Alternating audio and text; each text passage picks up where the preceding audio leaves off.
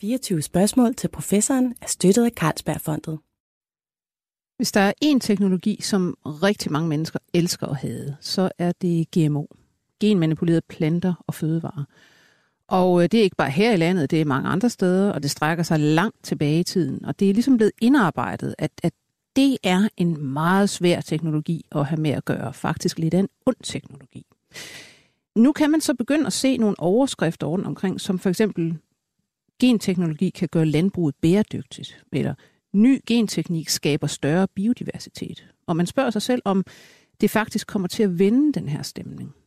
Og øh, nogle af de her overskrifter, de er genereret af øh, en af mine gæster i dag, eller faktisk dem begge to, øh, som skal være med til at diskutere det her med, jamen hvad kan vi egentlig bruge de nyeste nye genteknologier til i forhold til bæredygtigt landbrug og bedre planter, fødevarer, alt det her.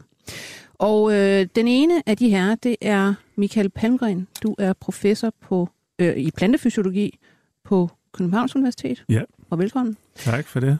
Og så har vi en genganger. Øh, filosofen Clemens Kabel har igen presset sig ind. Han er professor, det er han blevet siden sidst, øhm, og det er på Institut for Medieerkendelse og Formidling, også ved KU. Velkommen. Tak for det. Og jeg synes, I skal simpelthen starte med, og vi kan starte med dig, Michael. Øh, hvad er det overordnet for noget, I to, altså en filosof og en plantefysiolog, arbejder sammen om?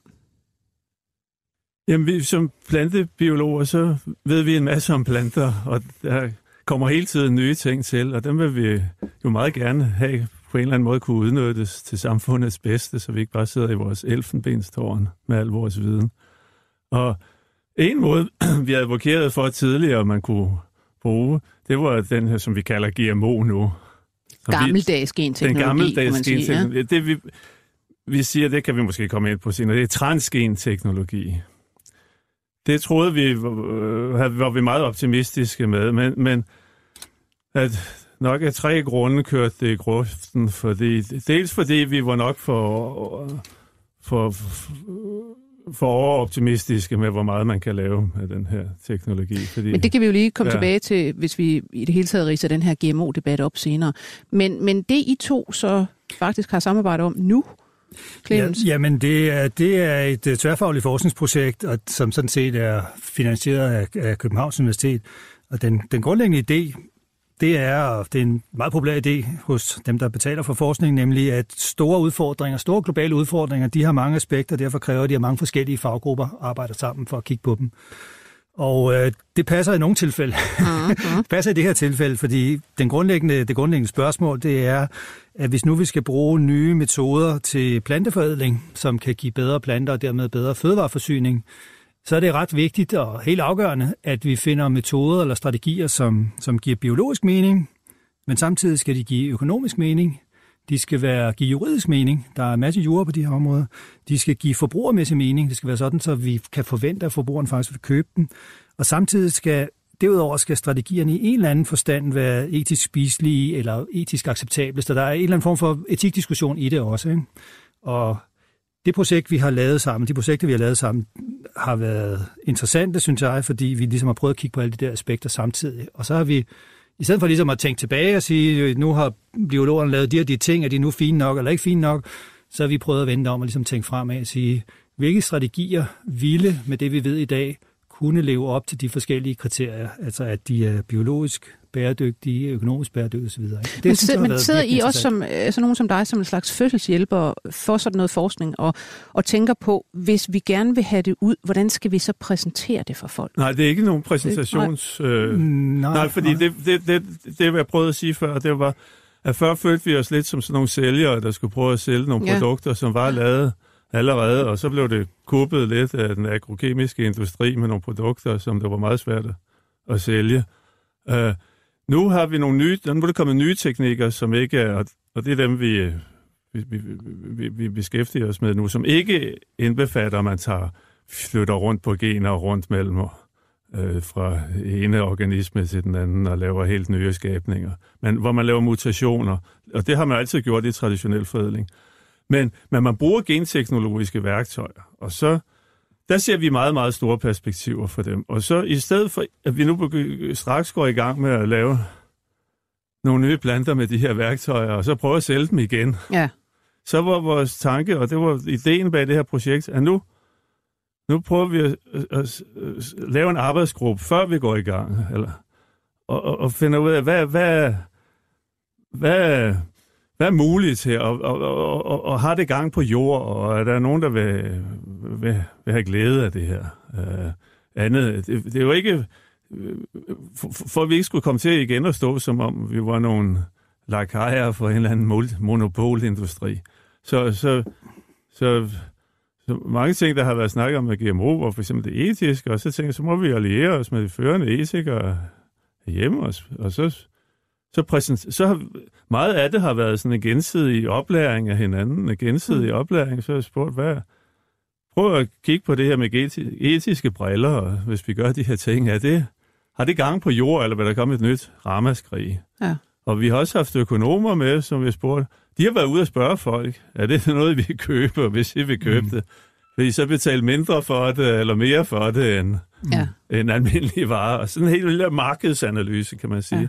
Og vi har haft samfundsforskere med i det her projekt, og mediciner, ja, farmaceuter. Ja, og jurister, ikke? Altså, en af de ting, som er interessante, det er, at øh, der er på nationalplan og på EU-plan en, en regulering af det her, således at et produkt kan blive kategoriseret som en, en GMO, hvis det lever op til nogle bestemte betingelser. Og så skal det igennem sådan en milliard dyr og afprøvning. Det kan nemlig betyde rigtig, rigtig meget for, for, for salgbarheden, for hvordan det skal mærkes, hvordan det skal omtales. Så derfor er det meget vigtigt, hvad der står i de regler, ikke? og det har vi så fået jurister til at afdække. Det var nyt for mig, hvad der ja. præcis stod i de der ting.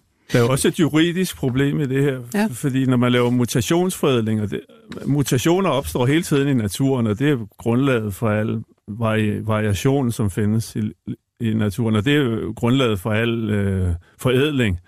Og med de her nye teknikker inducerer man, skaber man mere variation med hjælp af mutationer, men de kan ikke skældnes. Der er ikke nogen metoder, der kan skældne de her mutationer, der opstår, fra nogen, der opstår, fordi solens har skinnet ultraviolet lys på planten. Så derfor er der et juridisk problem med at bevise med overhovedet at forholde sig til de her planter. Mm. Men så synes jeg egentlig, at, at vi skal prøve at kigge på, hvad, hvad er faktisk øh, metoderne til at øh, altså det, vi kalder traditionel planteforædling, og hvad var det der gamle GMO, som mm. alle begyndte at, at have, og som vi fik, altså krisen startede vel herhjemme i 1996, da der kom et, øh, et skib, Hanjin Tampa, og lagde til Aarhus Havn, øh, med en masse sojabønner, hvor en lille procentdel altså var genmanipuleret. Og så gik Greenpeace og forskellige andre organisationer i gang, og der var demonstrationer, og, det, og siden da har der været en lang altså, diskussion om, at det her er simpelthen en forfærdelig teknologi. Der kan opstå superweeds, altså de her gener, der er puttet ind i planter, kan, og som giver øh, resistens over for måske en sprøjtegift, jamen de kan brede sig til øhm, almindelige øh, planter og ukrudt i marken, og der har været netop, som du sagde før, øh, Michael, diskussion om, at jamen, alle de her teknologier bliver brugt og monopoliseret af sådan nogle onde mennesker som Monsanto, og så bliver bønderne underlagt sådan et regime, hvor de ikke kan tage såsæd fra, men skal købe øh, og bliver sådan ligesom afhængige af, af de her GMO-varer osv. osv. Så har der været en frygtelig masse diskussion om, er det giftigt for dyr at spise, og er det så giftigt for mennesker at spise de dyr, der har spist det, og så videre, og så videre, og så videre. Men lad os lige se på, hvordan man egentlig altså frembringer de her planter med forskellige teknologier. Ikke? Altså, der er jo det, man kalder traditionel plantefredning, og som man har lavet øh, gennem mange årtier, og, og mange af de planter, man, man har i dag, og for eksempel bruger i økologiske brug, de er jo lavet ved interessante metoder, såsom bestråling og, og kemisk øh, mutagenese, altså hvor man fuldstændig muterer planter med kemi. Prøv at forklare det, Michael. Jamen, mange tror, at, at det vi spiser, når vi går i, i, øh, op og ned, i grøntsagsafdelingen i, i brusen, at det er sådan naturens gaver, som står, står der, som, om, som naturen har skabt. Og, øh, og en, en gang gik ud i naturen og fandt en broccoli eller en blomkål, og så bragte den hjem og gav sig til at dyrke den. Men, men, men det var man, man måske mange ikke er bevidste om, at det, det er mutanter, og, og, og fra plantens synspunkt, hvis vi nu ser det fra en plantes synspunkt, så er det nogle groteske mutanter, som ikke har gang på jord, som er, det er jo invalide vandskabninger. Øh, så derfor, fra en og samme plante, den vilde kål, har man lavet hvidkål og rødkål og blomkål og broccoli De har simpelthen og samme, rosenkål. om så Det er samme stamfar. art. Vi er ikke Ja. engang ude i snakke om, at det er an- andre arter. Nej. De er bare muteret til Til ukendelighed. ukendelighed. Mm. Og så tror folk, det er sådan en lang, lang, lang rejse, som er gået langsomt, så derfor så sker der ikke så meget. Generation efter generation Ja. af bondemænd har gået men, og puslet for eksempel fra den, fra den oprindelige plante, så for at lave en broccoli, så er der en mutation, i hvert fald, det er i hvert fald, hvad man har, har, har kunne identificere nu.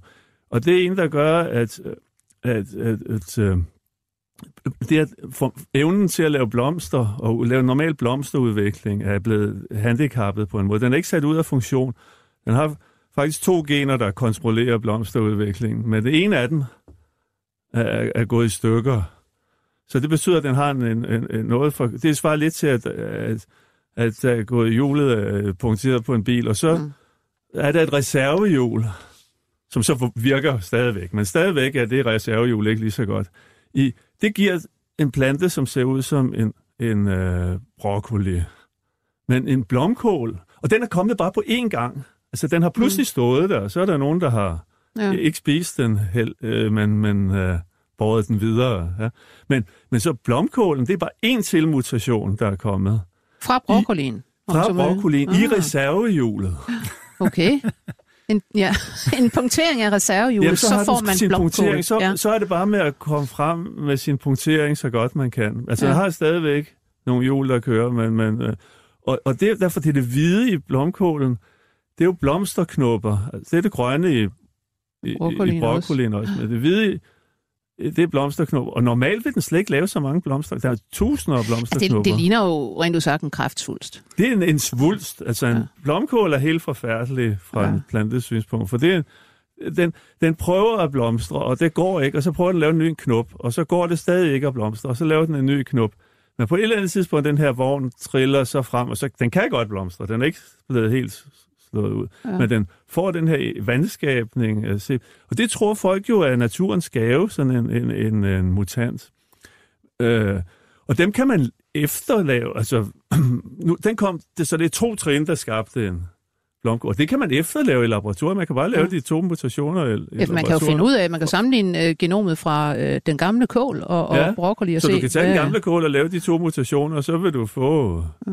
øh, øh, en, en blomkål. Så er der sket andre mutationer også, fordi man har kæmpet videre for Men er der så ikke den. også nogen, der, der altså, ligesom prøver at lave noget nyt ved måske at tage væv fra, ja, det kunne enten være en blomkål eller fra en gammel kål, og så bestråle det eller hælde noget, nogle kemiske mutagener på at se, hvad, hvad kan vi få op her? Jo, så, så, så prøver man at skabe endnu mere variation ved at være, øh, ikke, være, ikke, ikke bare vente på, at solens ultraviolette stråler laver mutationerne. Så sætter man man kan sætte dem i reaktorer og, og, og tilsætte voldsomme kemikalier for at få den her variation. Noget, man bare skal bare vide med mutationsforædling, at det, det kan måske ved vores etikere måske mene er krænkende for, for planterne, planterne, fordi man får de her vandskabninger ud af det. Men, men man ødelægger næsten altid noget. Man skal, Ja. ja. det, er ikke, det er ikke nye ting. Altså, blomkålen er ikke blevet en vidunderlig, hvid, fast øh, grøntsag, At fordi du, den har du, fået tilført du slår noget. nogle gener ud i virkeligheden. Den- nogen, der skulle den have været er der. defekt. Ja. Den er, og det er det, der er den store forskel med transgenteknologi. Det kommer til. Vi skal lige høre, Clemens Kappel, er det krænkende for planten? Det, det vil ikke være, mit, ikke være mit synspunkt. Et af de bidrag, som vi har lavet med min gruppe i, i de her projekter, det er at uh, ligesom gå tilbage og kigge på den filosofiske tradition, eller de typer af teorier, eller som man kalder etiske teorier i filosofi, som, som ligesom tages alvorligt af mm. professionelle filosofer. Og der er ligesom lidt forskellige typer af teorier. En etisk teori, det er simpelthen en måde at formulere de normer for, hvordan vi bør handle på en, på en simpel, sådan aksiomatisk måde, hvor man ligesom fører det tilbage til et simpelt grundprincip. Ikke? Og et af dem er for eksempel et, som stammer fra Kant. Ikke? Du skal behandle andre som mål i sig selv, i en formulering, eller du skal handle på en sådan måde, så reglen for din handling kan gøres til en universel lov. Ikke? Det er andre formuleringer. Ikke? Og der, der findes måske 3-4 af sådan nogle kerneteorier, som professionelle filosofer mm. orienterer sig omkring. Ikke? Og en af de ting, som jeg synes har været interessant, det er at øh, undersøge, jamen, hvad implicerer de teorier så egentlig for sådan et spørgsmål Ja. omkring naturlighed? Ja. Sagen er, at de alle sammen implicerer, at naturlighed er ikke nogen i sig selv vigtig faktor. Det, at en øh, plante er unaturlig i en eller anden forstand, for eksempel som blomkål er det, eller i den forstand, som en plante ville være unaturlig, hvis de her mutationer, Michael snakker om, ikke var nogen, der var sket af sig selv, men i stedet for nogen, som man havde lavet i laboratoriet. Det er unaturlig den forstand. Det spiller ingen rolle for de her etiske teorier. Ikke? Så der er en form for konsensus her. Ikke? Der er mm. folk, professionelle etikere, er meget uenige, men hvis man ser på de dominerende teorier, så er de faktisk enige om en ting, nemlig at naturlighed versus unaturlighed, det er ikke en vigtig faktor. Og det er jo sjovt, fordi at rigtig, rigtig mange menneskers, om man så må sige, etiske intuition vil jo netop være, at noget unaturligt kan ikke ja. rigtig være godt. Altså Nej, den, den unaturligheden det... bliver jo bragt op i de her debatter gang ja. på gang på gang. Det gør de, og øh, det er ikke bare noget, der bliver bragt op i debatterne. Man har faktisk undersøgt øh, i, i sociologiske undersøgelser, spørgeskemaundersøgelser og interviews osv., der har man undersøgt holdningen, og der viser det sig, at, øh, at folk, der er skeptiske over for GMO, de, de, deres argumenter eller deres holdninger til det centrerer sig omkring tre hovedargumenter, hvor det ene er naturlighed, altså de synes, at GMO af forskellige art er problematiske, fordi det er unaturligt. Enten er selve typen af indgreb unaturligt, også produktet øh, unaturligt. Det andet hoved, øh, den anden hovedovervejelse, det er, at det er risikabelt for sundhed eller miljø. Og den tredje hovedovervejelse, den går på socioøkonomiske følger, altså som mm. den slags ting, som, som du nævnte, at hvis, øh, hvis, øh, hvis Monsanto ejer såsæden og Roundup'en, så bliver bønderne sat i en situation, hvor de er afhængige, og der kan opstå monopoldannelser og den slags ting. Ikke? Ja. Og i forhold, men i forhold til det, vi snakker om nu, altså at man for eksempel øh, tager eksisterende øh, planter, og så rewilder man, så, gør man, så giver man nogle af de egenskaber, som vilde planter har, altså den vilde variant af planten har. Og på den måde gør man dem mere modstandsdygtige. På den måde kan man dyrke dem uden at skulle bruge så meget arbejdskraft, eller uden at skulle bruge så meget øh, øh, sprøjtegift. Hvis man ser på det, så, så, så må man jo sige, okay, ja, det kan selvfølgelig godt være, det er unaturligt i en vis forstand, ikke? men der er ikke nogen grund til at tro, at det nødvendigvis være særlig risikabelt for vores sundhed eller vores helbred. Og der er heller ikke nogen grund til at tro, at det vil have nogle specielle socioøkonomiske uheldige konsekvenser. Det kommer jo helt an på, hvordan regelværket er. Ikke? Ja. Så det er ikke selve teknologien eller selve produkten, der er problemet her. Det er regelværket omkring det, vi skal se. Vi kommer tilbage til det med, hvad rewilding er, fordi det, ja. det er jo noget af det, I arbejder med med ny teknologi. Men øh, før vi tager det, kan vi lige slå fast, at jamen, de planter, man har i, i landbrug øh, og gardneri og sådan noget i dag, det er nogle mutanter. Altså, det er nogle handicappede planter, som vi af en eller anden grund godt kan lide at spise. Fint nok. De er alle steder, også i det økologiske landbrug. Så kom man på et tidspunkt med den gammeldags transgene teknologi, som det hed, hvor øh, ligesom oplægget var, jamen nu kan vi med, med forskellige øh, enzymer og teknologier øh, fjerne, om man sige, eller tage gener fra hvilken som helst organisme, fordi genetisk information er den samme hos alle levende organismer. Så vi kunne sådan set tage noget fra en dybhavsfisk og putte det ind i en plante, hvis det var brugbart der. Og det var, det var det, der ligesom øh, lagde op til, jamen nu bliver det virkelig, virkelig unaturligt. Folk har ligesom, de har totalt glemt, at, at sådan en kemisk mutation og så videre af de planter, vi har, ja, det er også unaturligt. Men det der, at man kunne flytte øh, gensekvenser fra hvad som helst ind i en plante og få den til at måske danne medicin, eller for den sags skyld få den til at være resistent over for tørke via et gen fra noget helt, helt andet. Det, det er så, om man så må sige, første generations produkter af GMO, ikke? Ja, så, så, så en, en transgen organisme, det er en, der har fået transgen i sig. Og transgen, kan du sige, det er et gen, der er blevet transporteret. Det har ikke noget med køn at gøre, vil jeg lige sige. så det, ja. Men, så det er kommet, og, og, og, og, og, og så, men hvis, hvis jeg må se sådan fra en plantefysiologisk synspunkt, hvad vores tanker var dengang, det var at overføre nogle nyttige, gode egenskaber, ikke fra en torsk måske, men fra en, en, en anden plante, som man ikke kan krydse sig med, ind i en plante, der vil have gavn af de her ting. Og for eksempel noget, som vi, som er meget, som vi alle ved er meget miljøforstyrrende, det er kvælstofgødning, som udvaskes til miljøet. Og, så, og vi gøder, øh, der bliver brugt enormt meget kvælstofgødning herhjemme, fordi planterne, det, det er simpelthen, man kan ikke få produktivitet. Hvis, hvis planterne tømmer jorden for kvælstof, så vokser der ingen planter. Så og men så er der nogle planter, som ikke behøver at gødes med kvælstof. Bælgplanterne, de lever i samarbejde med en bakterie, som, som kan tage atmos- luftens kvælstof og lave det om til noget, de kan bruge. Der vil jeg lige indskyde, bare fordi at jeg får en, et, et, et, et flashback til dengang jeg var meget ung biologistuderende.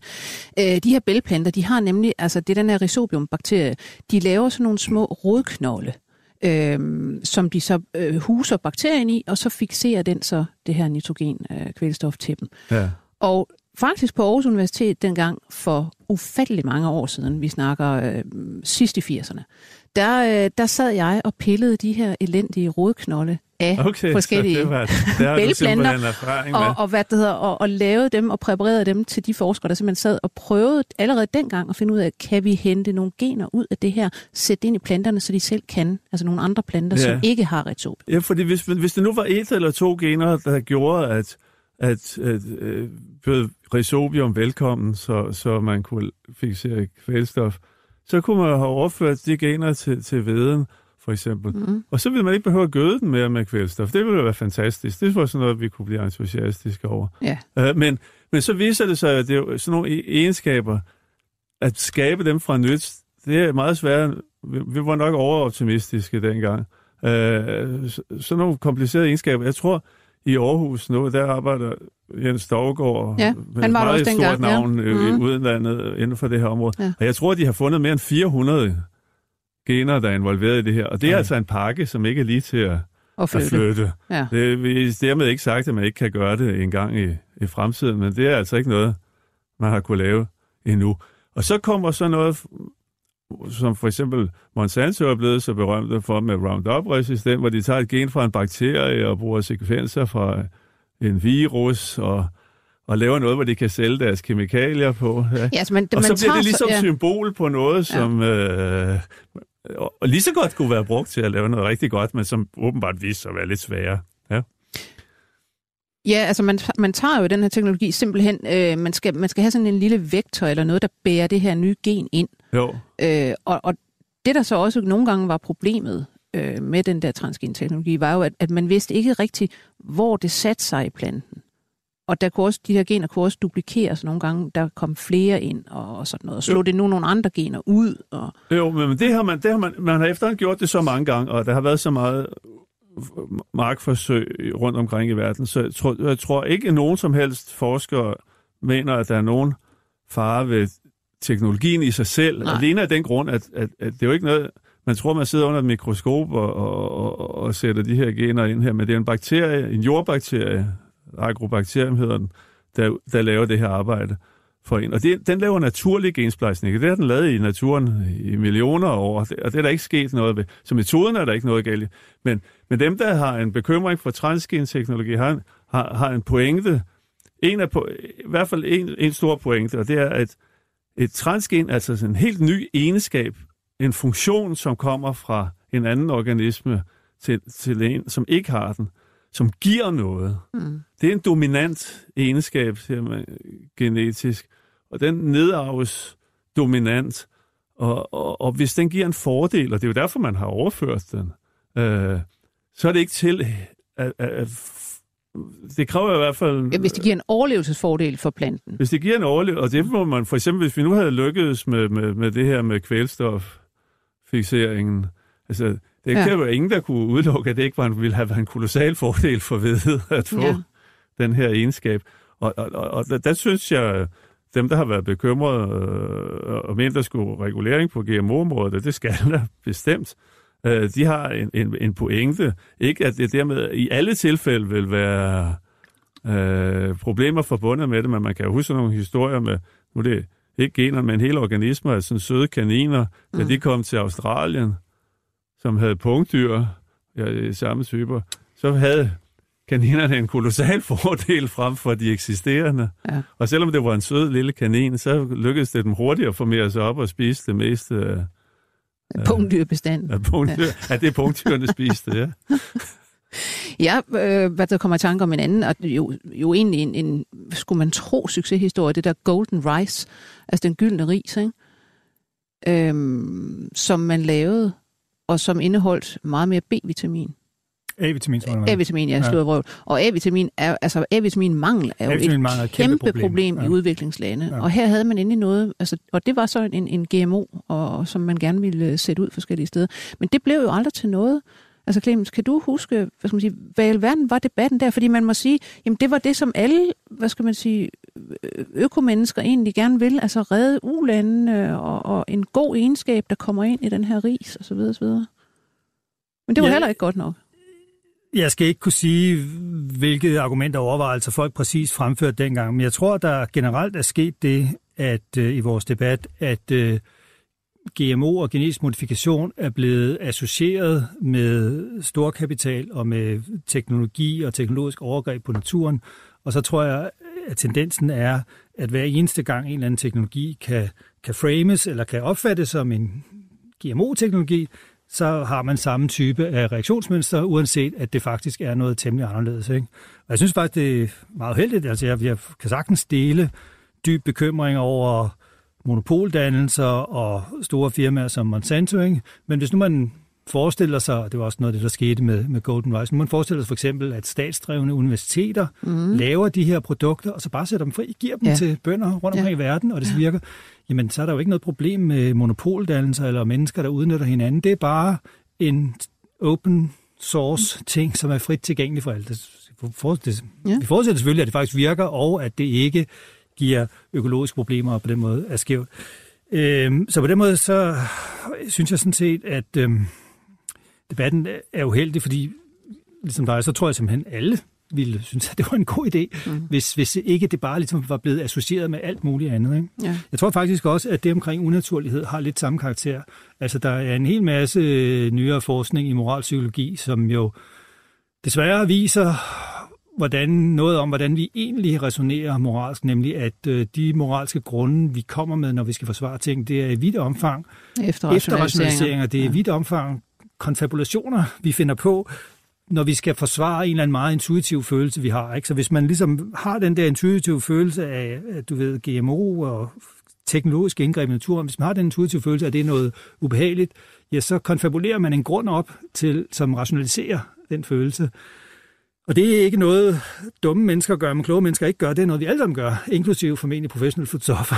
Ja. øh, men men øh, jeg tror, det er jo nok lidt det, der er på færre, når, når man for eksempel reagerer over for de her ting og siger, at det er meget unaturligt. Fordi det er jo igen, det er jo meget, det er jo meget selektivt, hvornår man synes, unaturlighed er et problem. Det synes ja. man her, men der er alle mulige andre unaturlige ting, vi går og laver. Som ja, hvis, hvis, man ikke kan, hvis man absolut ikke kan få børn og gerne vil have reagensglasbefrugtning, så synes man nok pludselig ikke, det er et problem og unaturligt. Så synes man ikke i den konkrete situation, at unaturlighed er et problem, Nej. og man synes heller ikke, at øh, penicillin er et problem. Jo.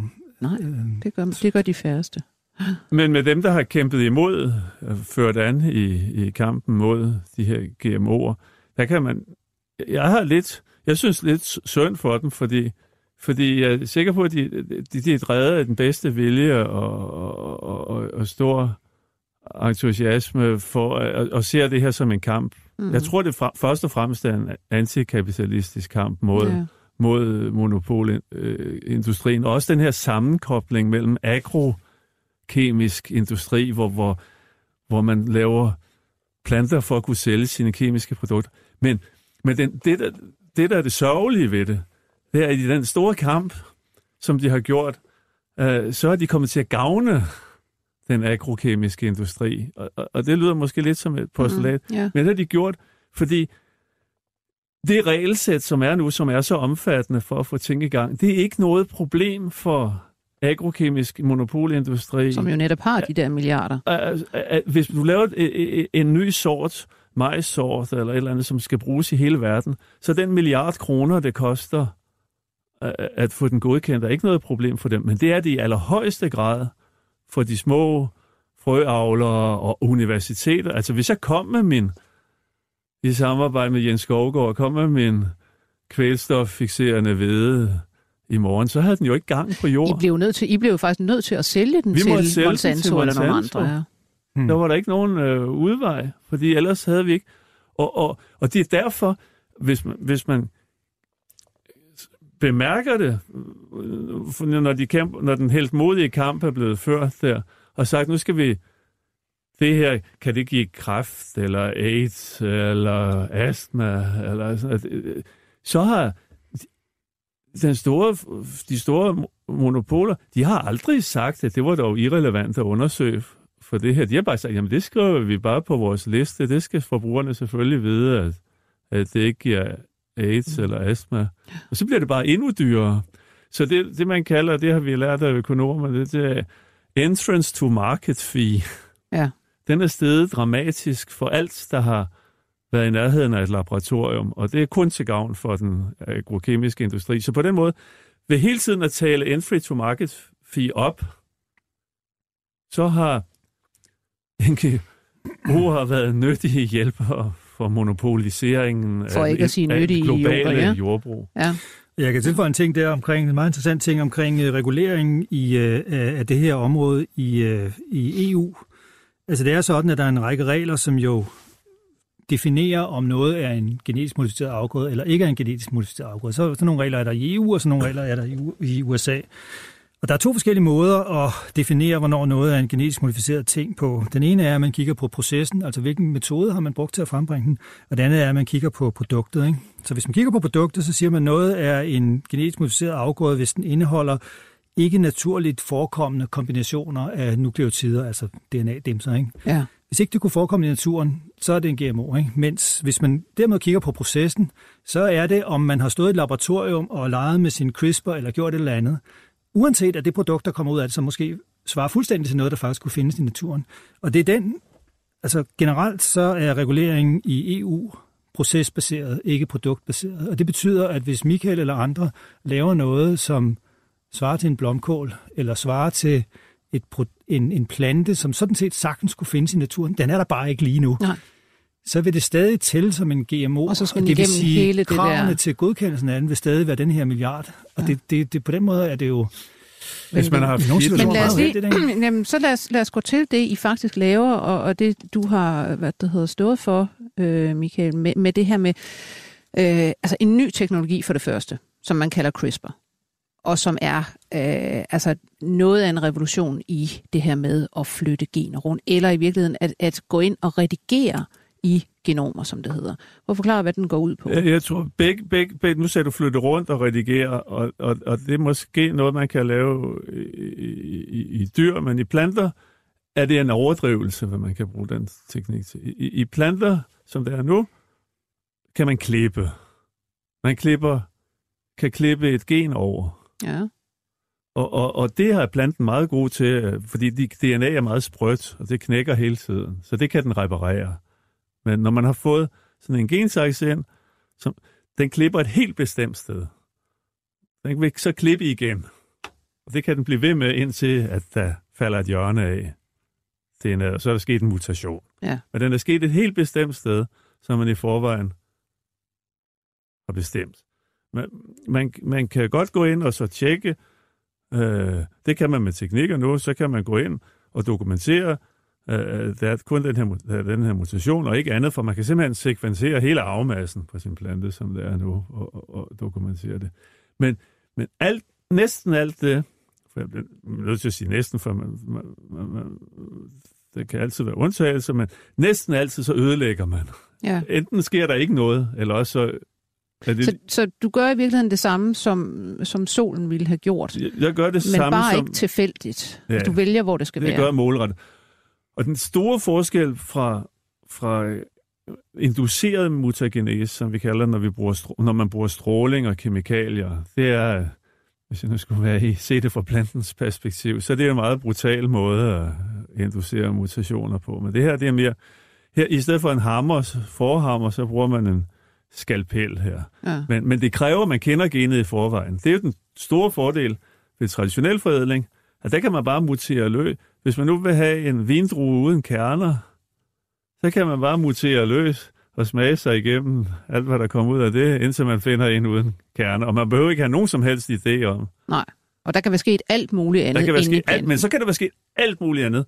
Men, men den her, der kan, måske, der kan i princippet være sket tusind andre mutationer i sådan en vindrue, men den kan, jeg, den kan man sælge på hylderne i Irma næste dag, hvis, hvis man havde Men, men ja. det, du så gerne vil bruge den her øh, CRISPR-teknologi til, hvad er det?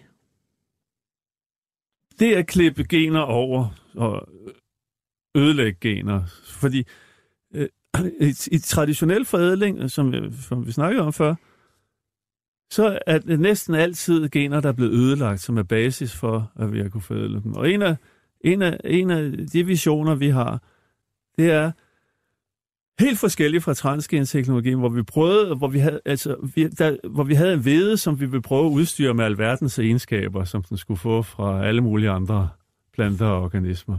Så vil vi nu prøve at se, om vi ikke kan forædle nogle planter, som vi ikke i forvejen har, har forædlet, men som har de egenskaber, vi vil have.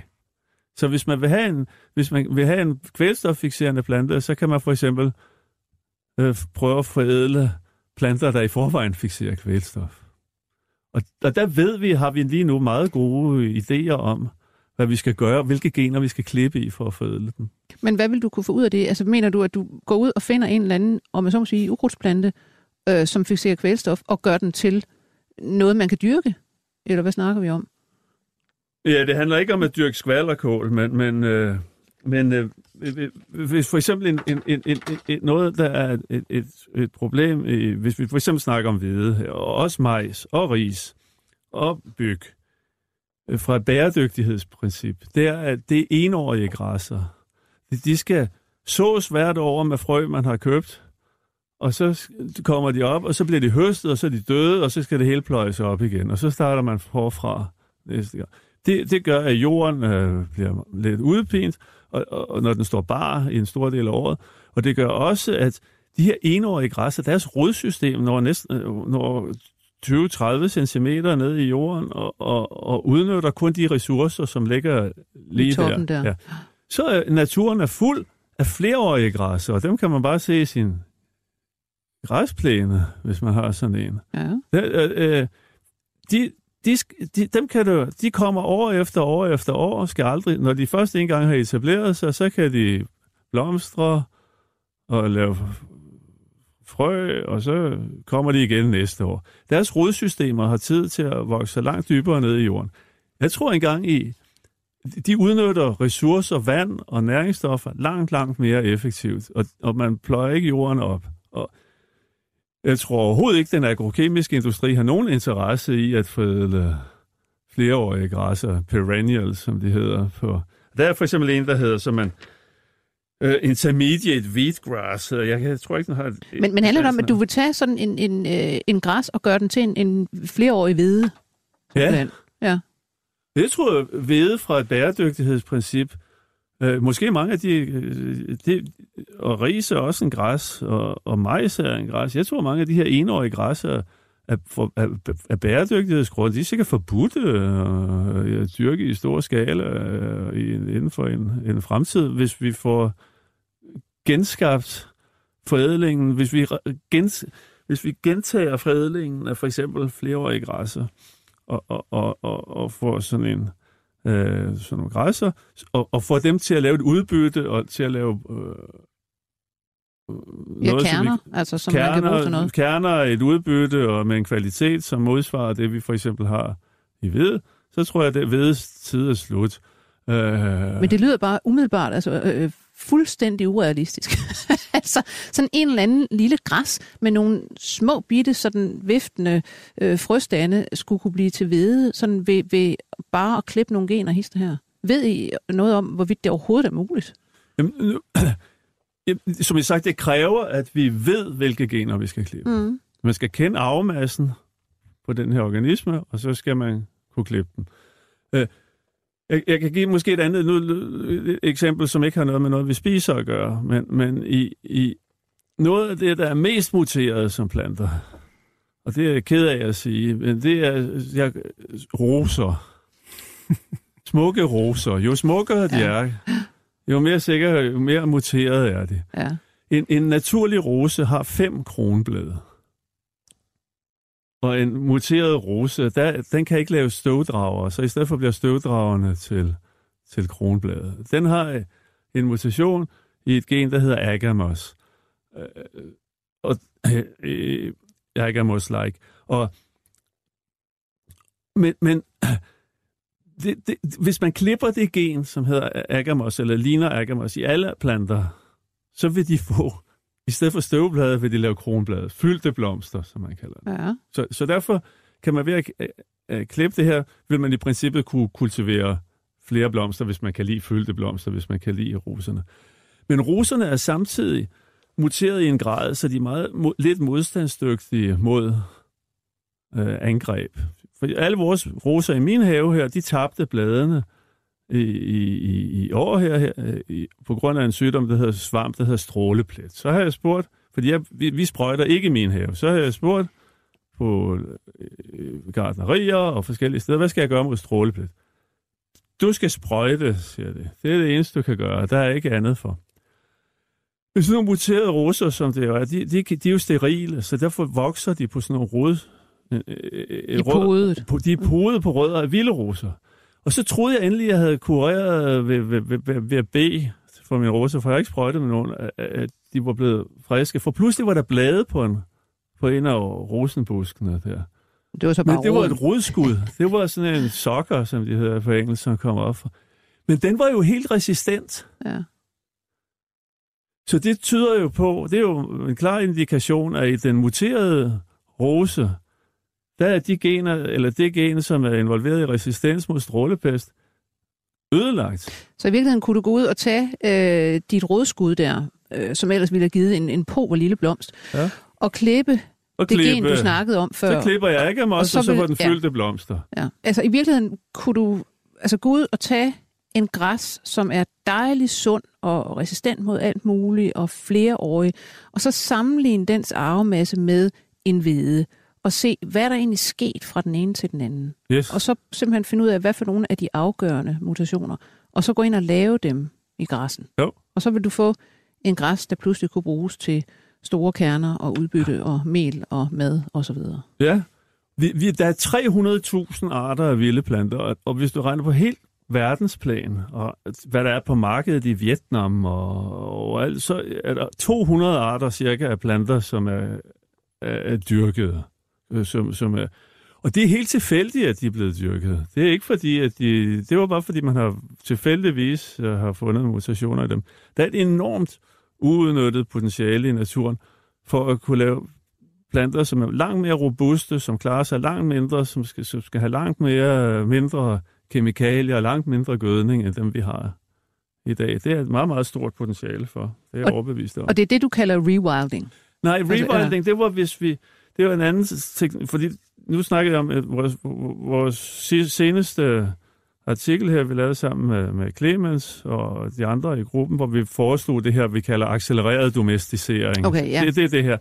Rewilding er, er sådan set det modsatte. Hvis vi snakker med roserne igen, så skulle jeg gå ind, for nu kender jeg jo rosernes arvemasse, og så skulle jeg gå ind og se, og det gen, og det var faktisk sidste måned, det gen, som giver resistens i den vilde rose mod stråleplet. Det blev identificeret sidste måned allerede, så, så det kræver jo noget skal viden. det her. med. Man skal lige, man kræver noget viden der.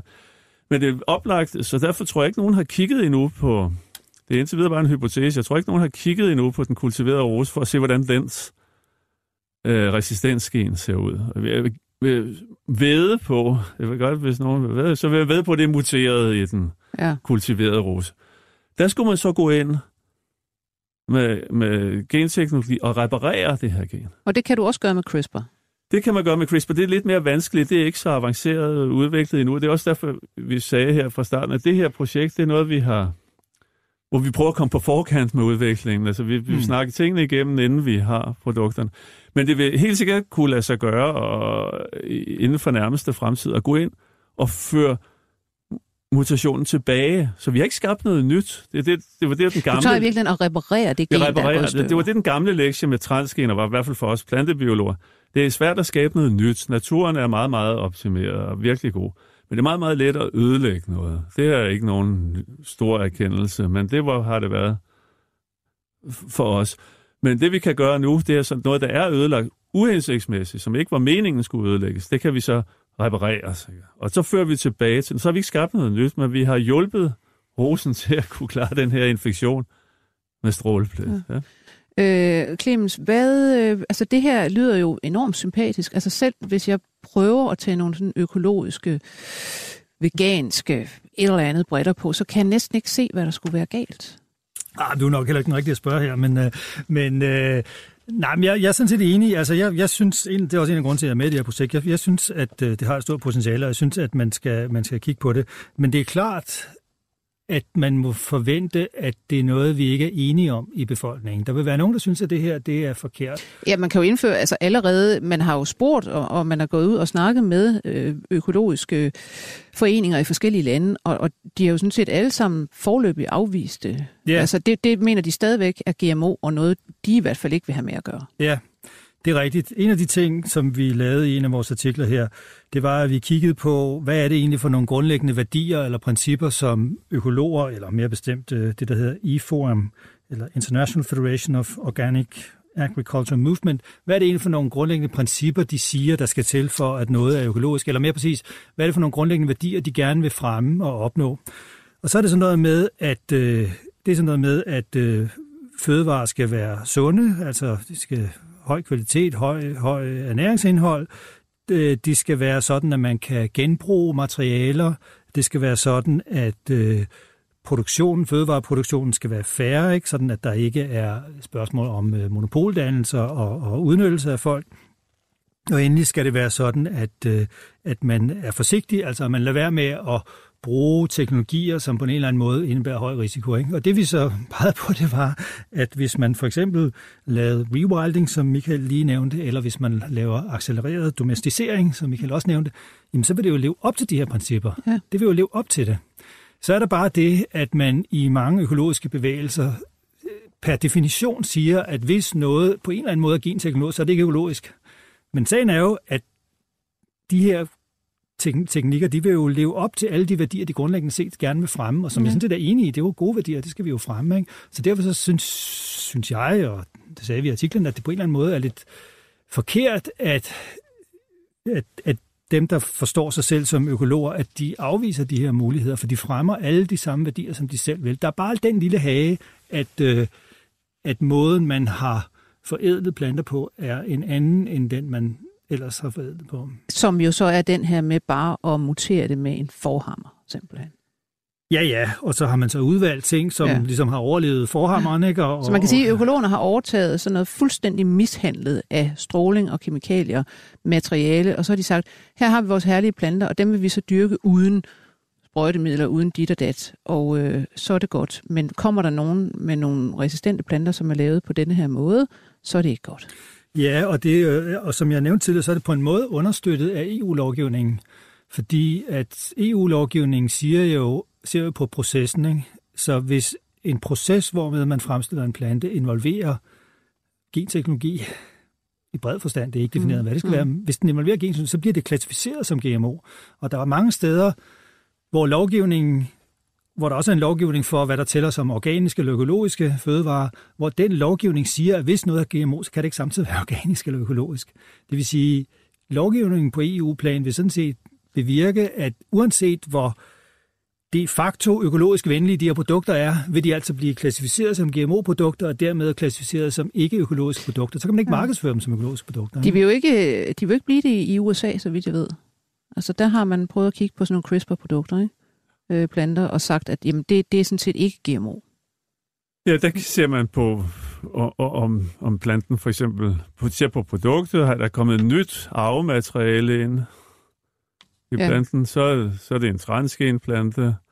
Og hvis der ikke er, og hvis man ikke, den kunne være, hvis, den, hvis man ikke kan se, om den er opstået på den ene eller den anden måde, øh, så er det Altså hvis den ligner noget naturligt til forveksling, så er det ikke en GMO. Ja, hvis man ikke kan skælne den ja. fra... Og det kan man jo ikke. Det kan man ikke med mutationer.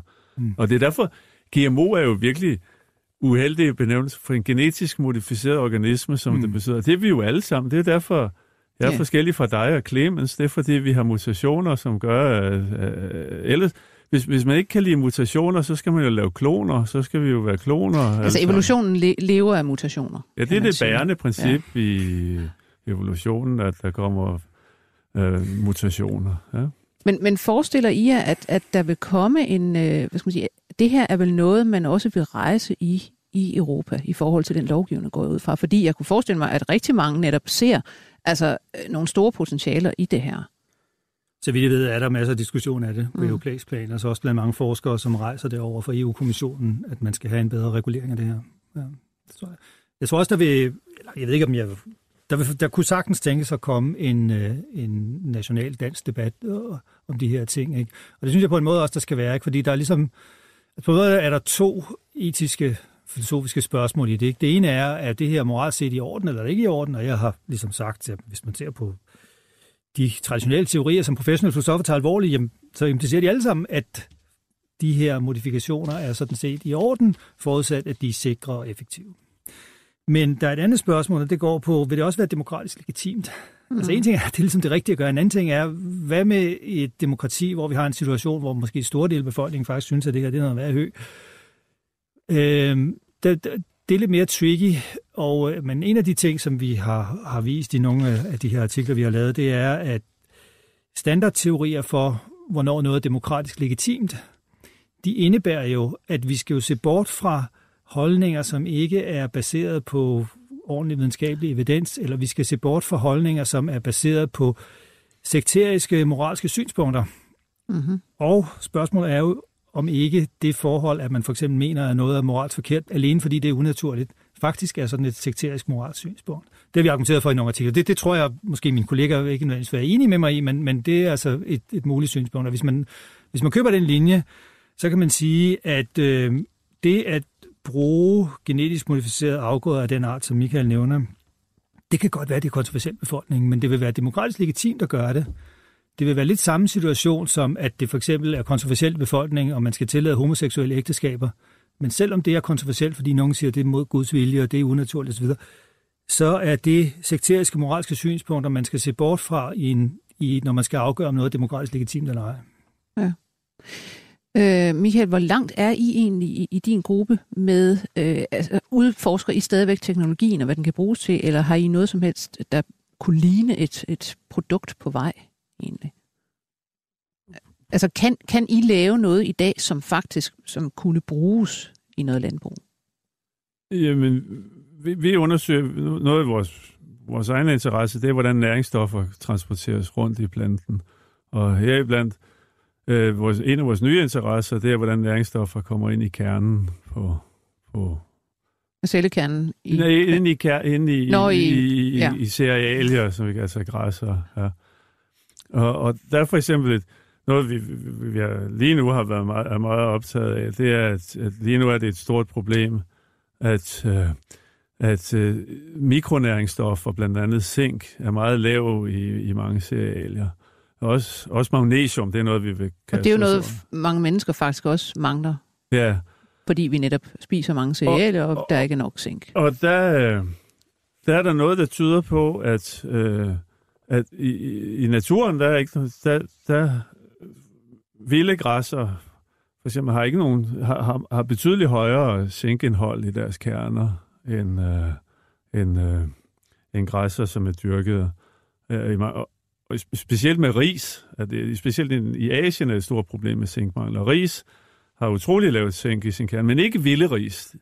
Og der, efter de diskussioner, vi har haft med utilsigtede mutationer, øh, der, der, synes vi, det giver meget god mening, at, at i den kultiverede ris, nu er det mest den, vi har tænkt på, øh, at der er sket noget ja. utilsigtet med det system, som transporterer zink ind i kernerne. Og der har vi faktisk øh, fundet øh, øh, noget, der tyder på at være det, der er protein, som er ansvarlig for at transportere zink fra moderplanten og ind i, i afkommet, så at sige, fra starten, så det får, får det med i sin madpakke, det her, den her vitaminpille. Og, og, og der vil med rewilding ville være oplagt at kunne øh, kunne reparere på den her defekt, som vi har fundet i, i, i, risen. Men, men, øh, men med, med CRISPR-teknologien bruger vi forløbig mest her til at, at, klippe i de kandidatgener, vi har, for at se, hvad så effekten bliver. Og, og, og det er også noget, vi så prøver at føre videre nu her mod byg. Ikke? Så det er vores interesse, det er plantens øh, næringsstoftransport, hvordan vi forbedrer den. Ja. Jamen, øh, det bliver spændende at se, hvornår der, der kommer noget, øh, noget byg, og dermed noget øl, som er endnu bedre end, øh, end det, vi har i dag. Jeg vil godt sige tak til jer, fordi I kom. Michael Palmgren, professor i plantefysiologi ved KU, og Clemens Kappel, øh, professor på Institut for Medier, Erkendelse og Formidling, også KU. Udsendelsen var produceret af Ninette Birk, og jeg, Lone Frank, siger på genhør. 24 spørgsmål til professoren er støttet af Carlsbergfondet.